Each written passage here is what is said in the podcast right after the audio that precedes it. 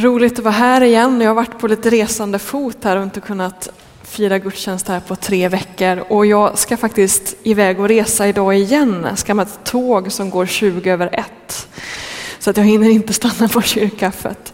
Jag ska på en kurs om församlingsplantering. En del som har tittat på vår hemsida vet lite varför. Vi är ju nu i startgroparna för en ny församlingsplantering. Hur ska man förbereda sig för döden? Det är temat idag och nästa söndag.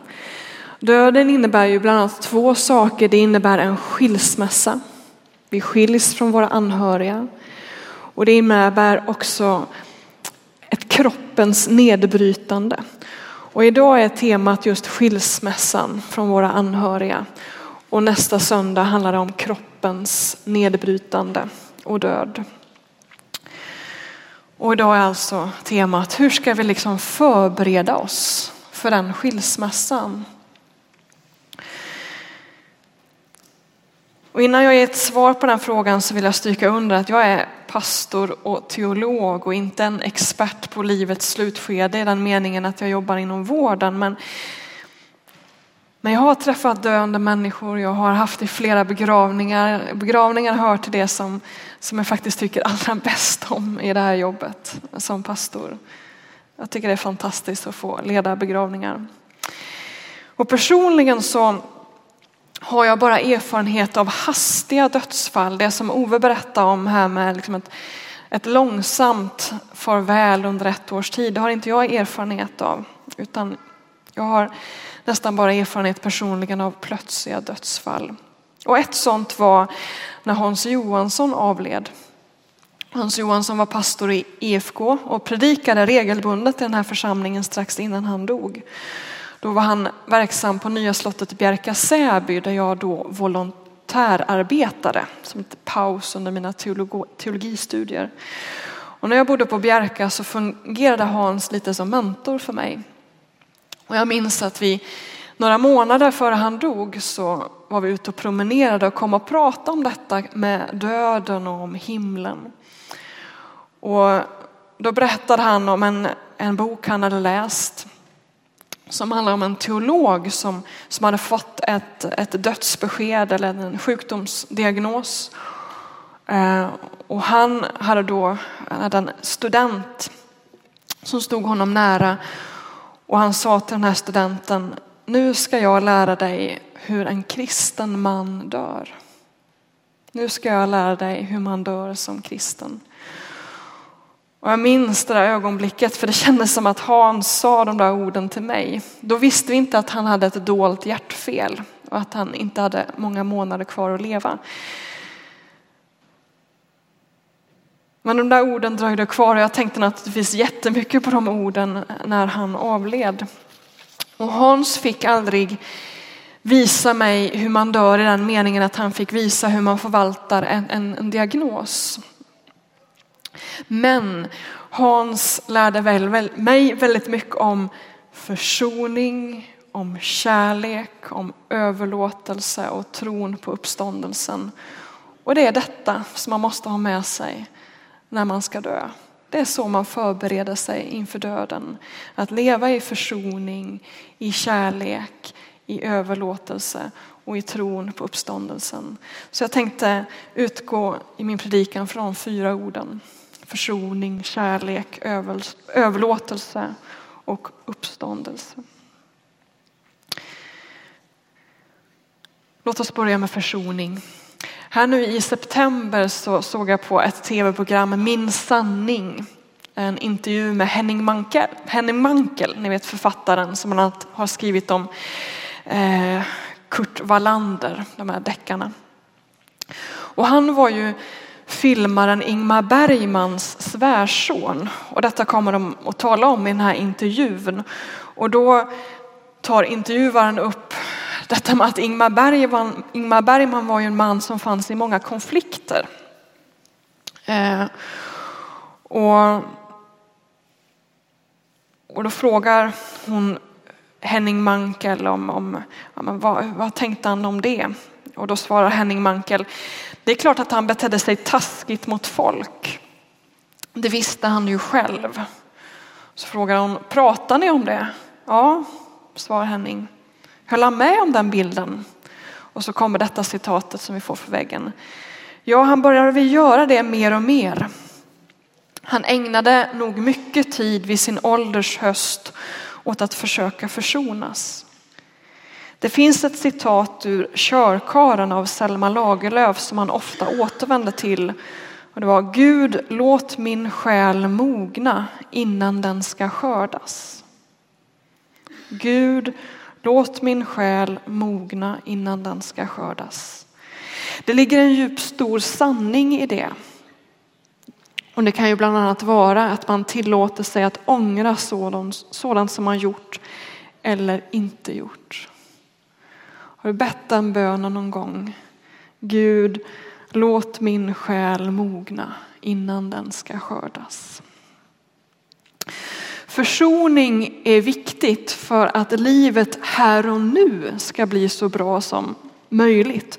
Men försoning är också viktigt för att vårt dödsögonblick ska bli så bra som möjligt. Både i mötet med anhöriga vid dödsbädden men också i mötet med Gud på andra sidan.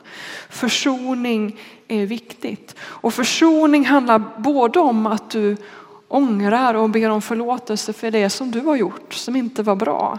Men det handlar också om att du förlåter det onda som andra människor har gjort mot dig. Och för Jesus var detta med försoning viktigt. Han återkom till det gång på gång i sin undervisning och det finns ju i den här bönen, vår fader eller fader vår, där vi ber förlåt oss våra skulder liksom vi har förlåtit dem som står i skuld till oss. Och så la ju Jesus till, så här står det i Matteus evangeliet kapitel 6, får vi upp på väggen. Ty om ni förlåter människorna deras överträdelser skall er himmelske fader också förlåta er.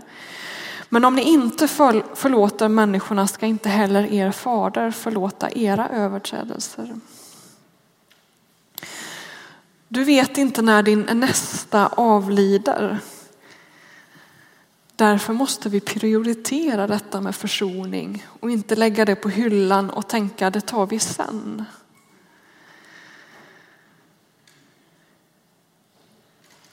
Att prioritera försoning handlar inte om att man så fort som möjligt säger förlåt. Utan äkta försoning handlar om att kunna se det onda som har hänt. Och att ändå kunna älska. Den som gjort mig illa. Sluta anklaga. Och det handlar också om att ångra det man gjort. Och det där tar tid. Det där är en process som har flera steg.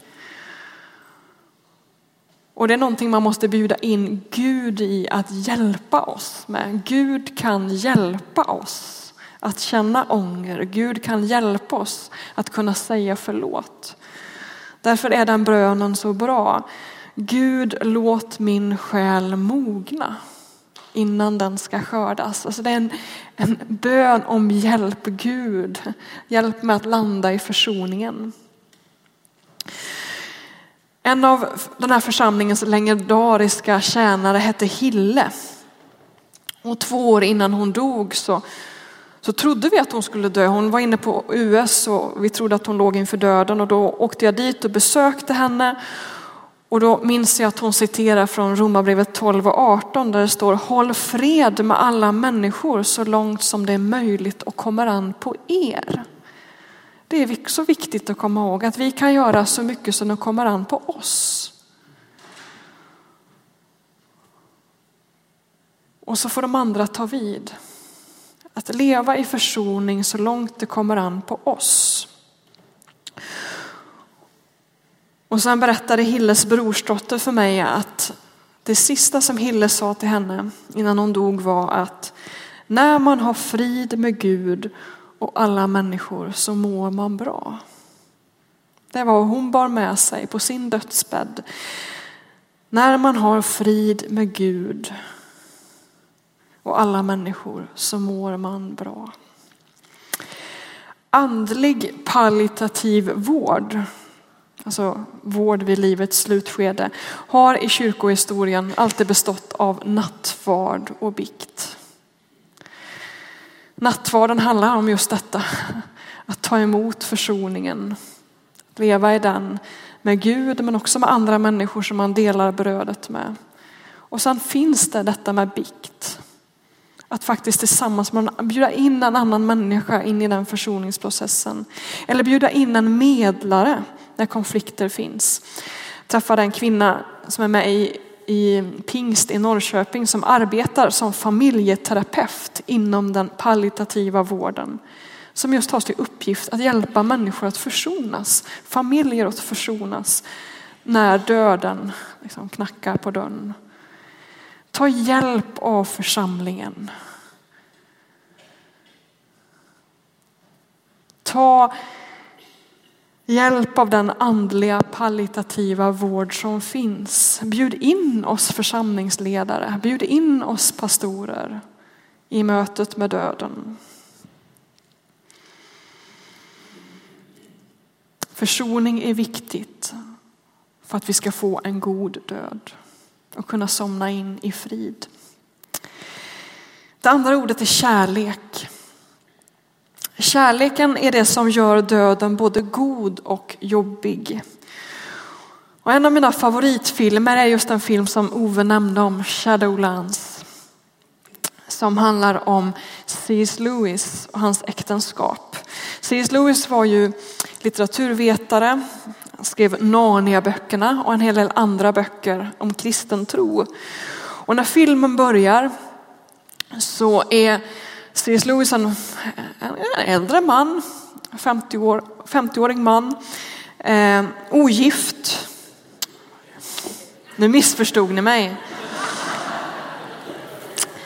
C.S. Lewis, det jag ville poängtera var att C.S. Lewis gifte sig sent i livet som 50-åring. Det kan väl ni ändå hålla med om. Mm. Ja.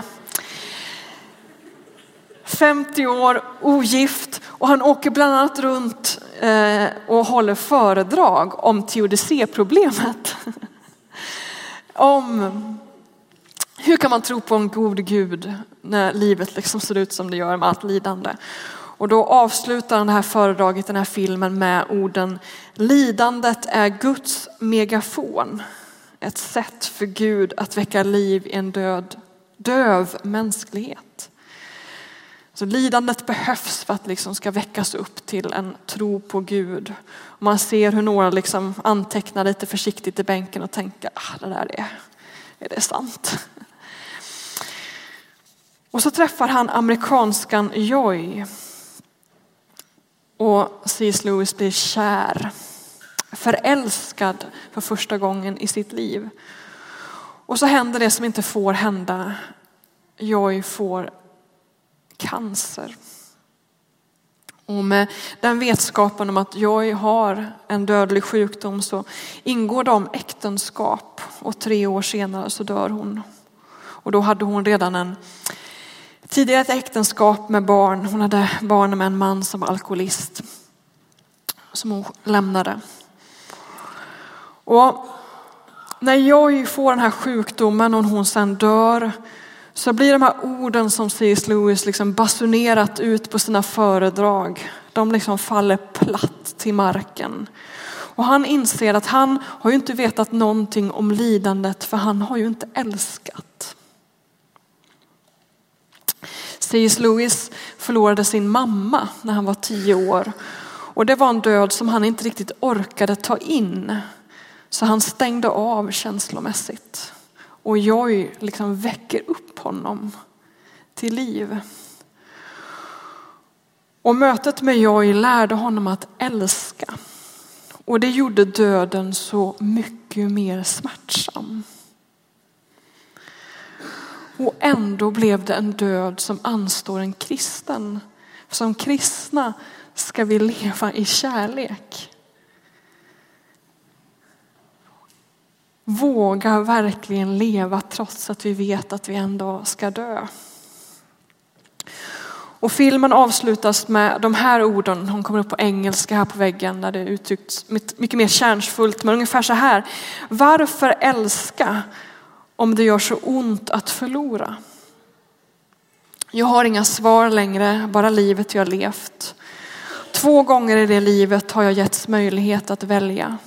Som en pojke och som en man. Pojken valde trygghet, mannen valde lidandet.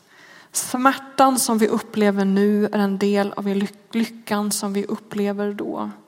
Och de här orden om att liksom, för att kunna leva i en lycka, för att kunna leva i en kärlek.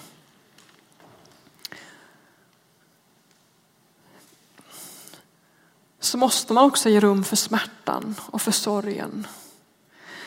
För att sörja någon som lämnar oss är också ett tecken på att vi har älskat. Smärtan och kärleken går hand i hand och det går liksom inte att välja kärleken utan att få den här smärtan på köpet i att stå där vid ett avsked, vid en skilsmässa. Och kärleken, de goda relationerna, är det som också gör döden god och kristen, men också smärtsam. Det finns en paradox i det. Och om detta handlar den här filmen. Om man vill få en god död så måste man våga älska. Så måste man våga älska. Man förbereder sig inte för döden genom att fjärma sig från den som ska dö. Utan genom att omfamna och älska. Det tredje ordet, överlåtelse.